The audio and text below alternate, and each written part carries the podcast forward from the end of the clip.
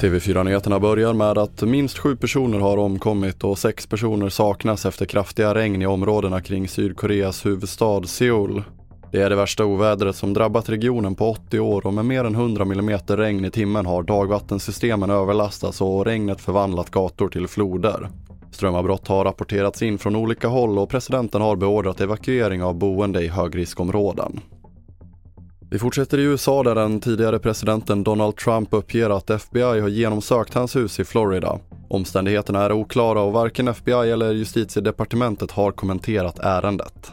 Det här har väckt väldigt mycket uppmärksamhet eh, här i USA och mycket ilska både bland republikaner och eh, Trump-anhängare under de eh, senaste timmarna. Samtidigt så spekuleras det väldigt mycket här om eh, vad det är man faktiskt har varit ute efter. För flera experter påpekar att det måste ha krävts ganska mycket för att få en domare att godkänna det här. Det sa TV4s utrikesreporter Thomas Kvarnkullen. Och vi avslutar i Västerås där två 17-åringar åtalas misstänkta för ett grovt rånförsök i april, det rapporterar lokala medier. Maskerade och beväpnade gick de två tonårskillarna in i en bostad på Skällby i Västerås enligt åtalet.